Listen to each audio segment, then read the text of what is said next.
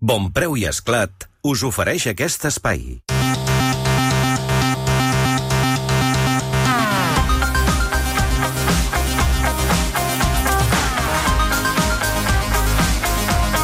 Pendents, doncs, del que passi en aquest compte enrere cap a les eleccions als Estats Units i sobretot del que passi la nit del 3 de novembre, ho seguirem amb un programa especial aquí a Catalunya Ràdio des de... Bé, doncs des d'abans que posin els carrers directament. Ja estarem aquí treballant, Cesc.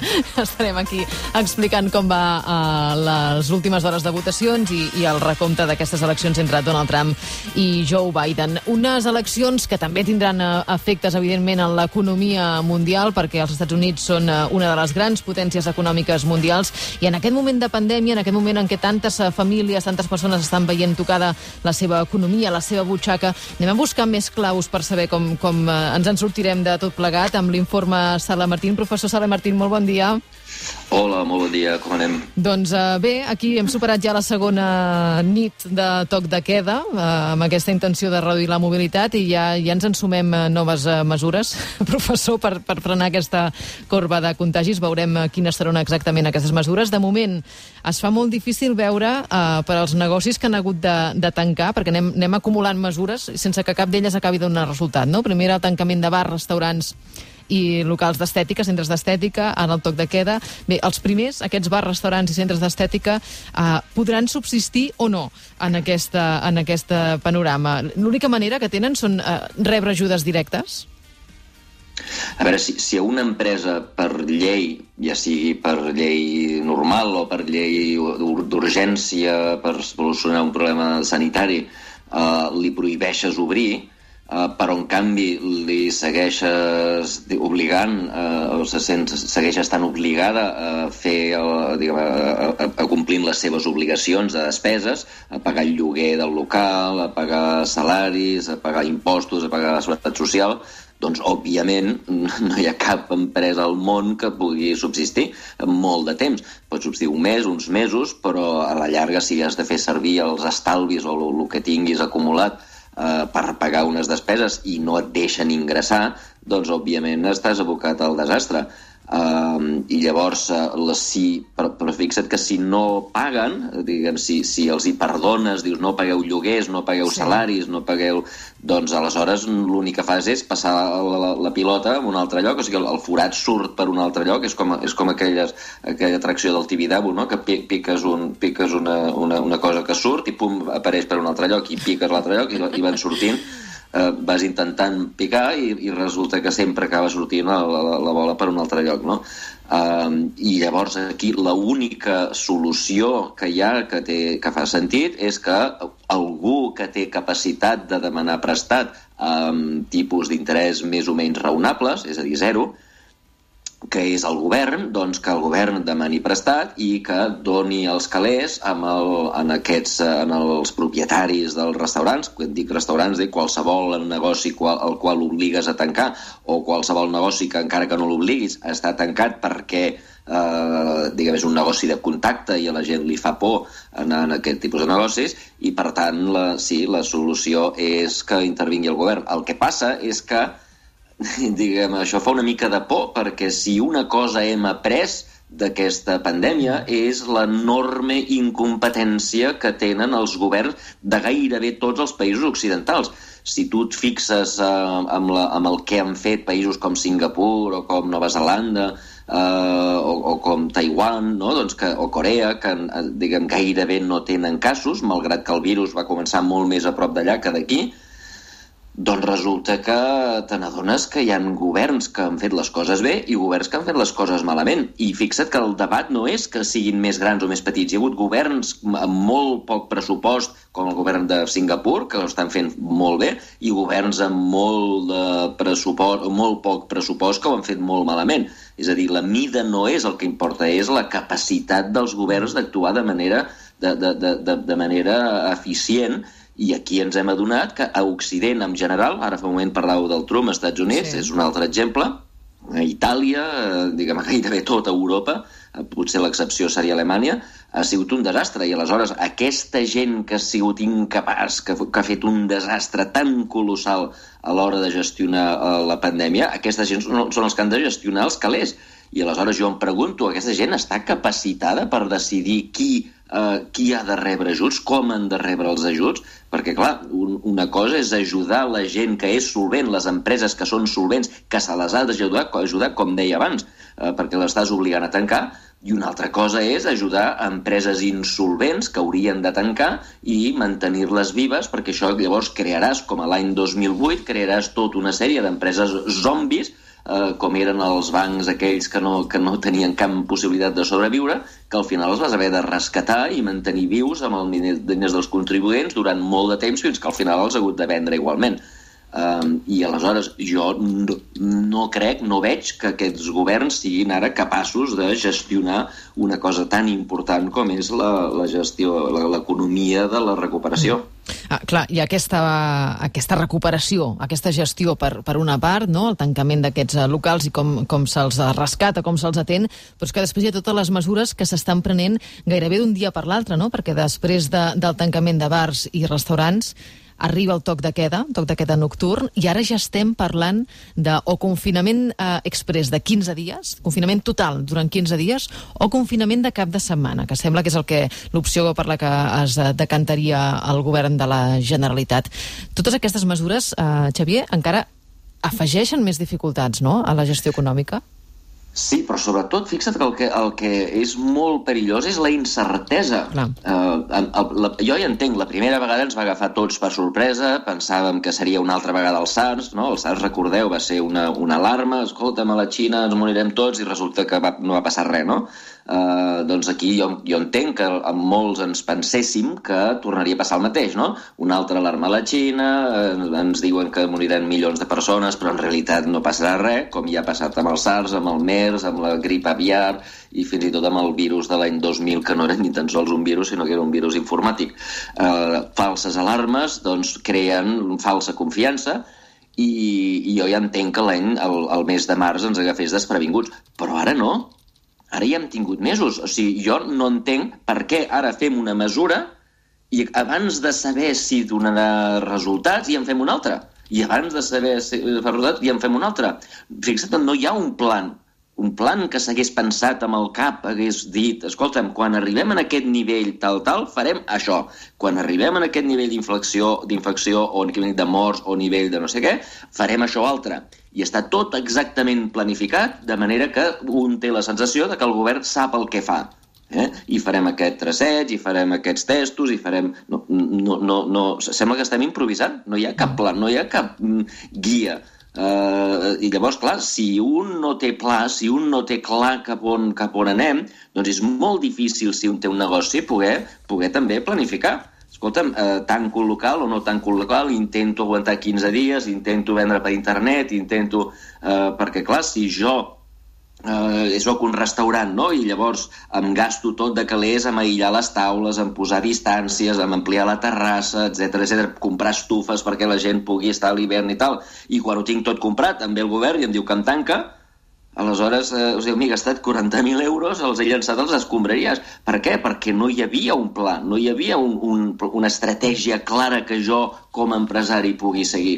I a mi aquesta, aquesta sensació d'improvisació, ara no sabem si farem això, ara no sabem si farem allò altre, ara fem una cosa, però abans de saber si funciona, doncs ja en fem una altra, eh, a mi això em sembla, des del punt de vista de ciutadà, que no sé el que, el que haig de fer amb, el, amb, el, amb els meus fills, doncs em sembla catastròfic. Però que és que des del punt de vista d'un empresari que ha de planificar, que ha de saber a on ha d'invertir, on ha de gastar els calés, eh, si ha d'habilitar el restaurant o ha de deixar-ho córrer ja fins al juliol, eh, doncs eh, aquesta manca d'informació, aquesta manca de planificació em sembla extraordinàriament perillosa.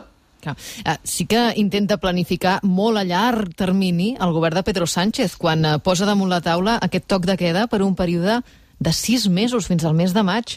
Uh, té sentit? Està justificat uh, aquest calendari tan dilatat d'estat de, d'alarma? Això és una altra cosa que jo no entenc. Uh, a veure, el, els, els estats d'alarma són una cosa que la Constitució espanyola dona, diguem, bàsicament diu en, durant aquest període els drets dels ciutadans desapareixen perquè hi ha un bé superior que és la salut pública. Eh? És a dir, la, la gent en general té dret a sortir a caminar pel carrer, però aquest dret els hi retallarem, el govern té, li donem la possibilitat al govern de retallar qualsevol dret o una gran part dels drets eh, perquè hi ha una cosa molt més important que la llibertat en aquests moments, que és la salut pública. I si tu el teu dret, exerceix el teu dret de sortir a caminar, això perjudiques la meva, el meu dret de, de ser d'estar sa, doncs entenc que el govern doncs, tingui aquest dret en situacions excepcionals. Ara bé, la Constitució diu que aquest dret s'ha de, que, que aquest estat d'alarma s'ha de renegociar cada 15 dies, s'ha d'aprovar sí. pel Parlament, no és una cosa que el Pedro Sánchez pugui dir eh, que, que ho fa quan li dóna la gana. Eh, per què? Perquè precisament estem fent una cosa molt greu, que és retallar la llibertat de la gent.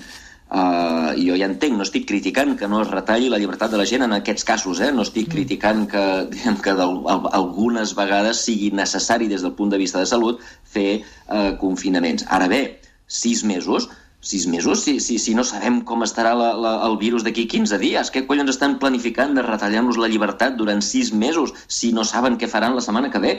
Uh, a mi em sembla un abús de poder extraordinari que el govern de, diguem, s'autoproclami, diguem, de, defensor de, del virus i de, o de, de, de la salut pública i ens retali la llibertat o tingui la capacitat de retallar-nos la llibertat durant, durant sis mesos.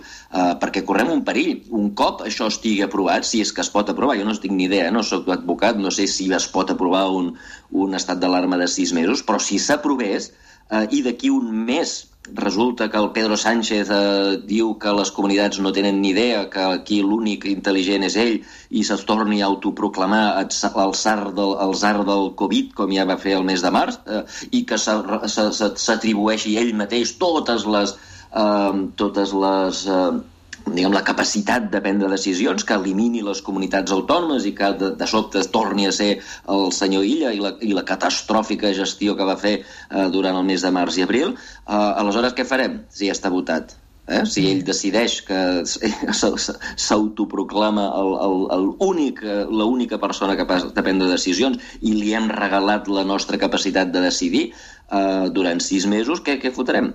Eh, a mi em sembla una bogeria, una bogeria total. Mm. Al final és aquest equilibri tan difícil eh, que estem intentant resoldre des del mes de març ja entre salut i economia, i que jo no sé si té solució.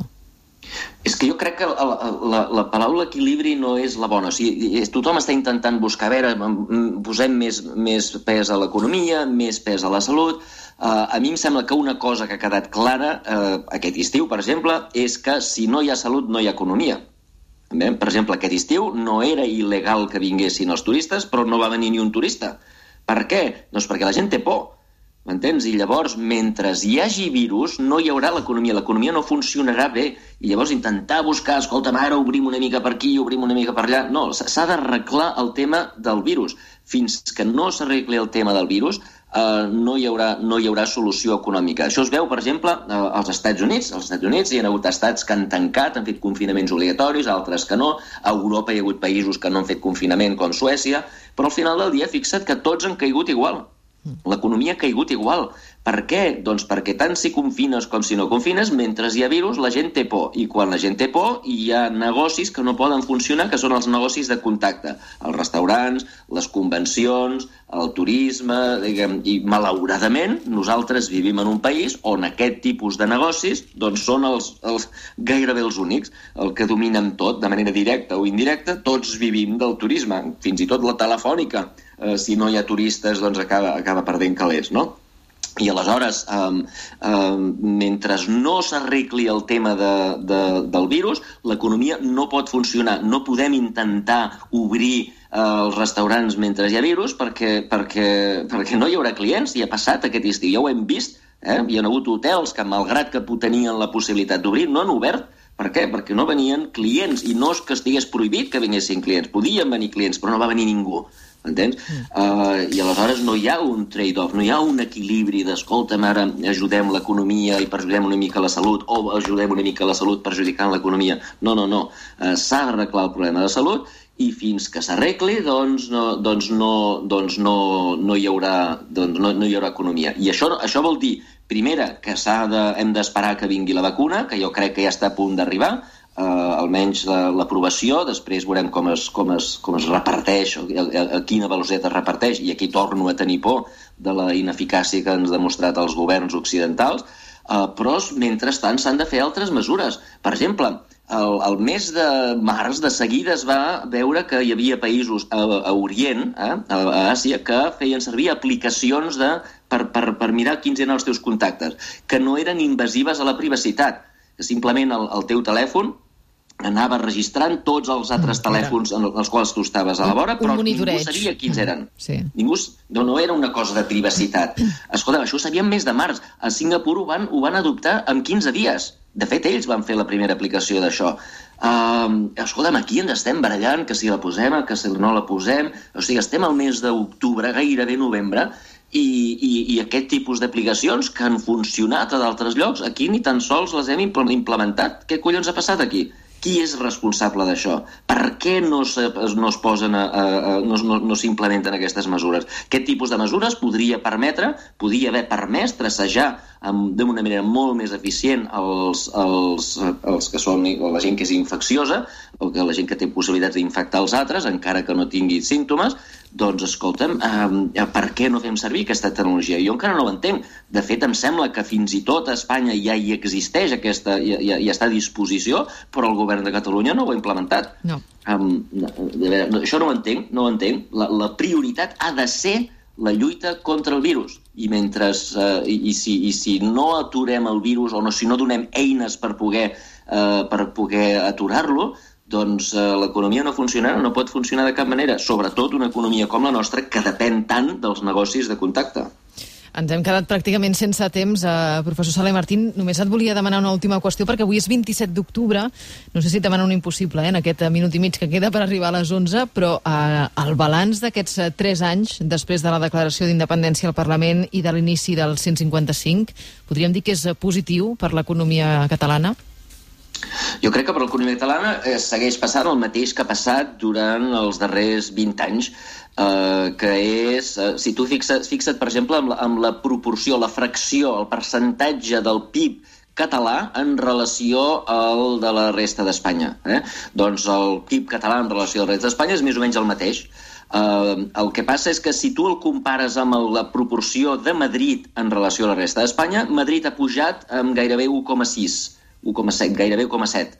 Uh, és a dir, Madrid té una part molt més important del pastís. Catalunya té la mateixa part del pastís, però fixa't com que el pastís és el pastís, uh, el fet de que Madrid tingui una part més gran del pastís vol dir que la resta d'Espanya uh, té una part menys important del, del pastís. Aleshores, hi ha molta gent que diu, mira, mira, per culpa del procés, el Madrid té una part més important del pastís. No, no, no, no és culpa del procés. Primera, això passa ja des de l'any 2000, i segona, i sobretot, no és a costa de Catalunya, sinó que és a, la, a costa de la resta d'Espanya.